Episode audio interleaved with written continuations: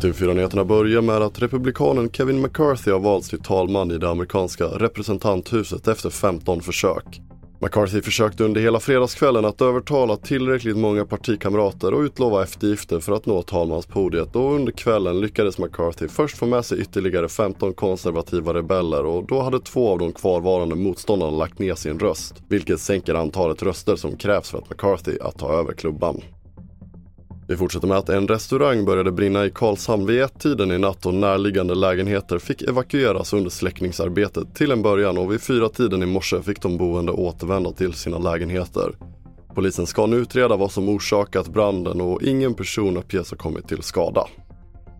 Och under natten ramlade en passagerare på båten Viking Glory och blev upphämtad med ambulanshelikopter, det rapporterar SVT Nyheter. Fallolyckan skedde i en trappa och passageraren fick en allvarlig skallskada enligt Pontus Svensson som är sjöräddningsledare vid Sjöfartsverket. Fartyget ska enligt uppgift ha vänt tillbaka mot det svenska fastlandet för att möta upp ambulanshelikoptern från Sjöfartsverket. Fler nyheter hittar du på tv4.se. Jag heter André Meternan Persson.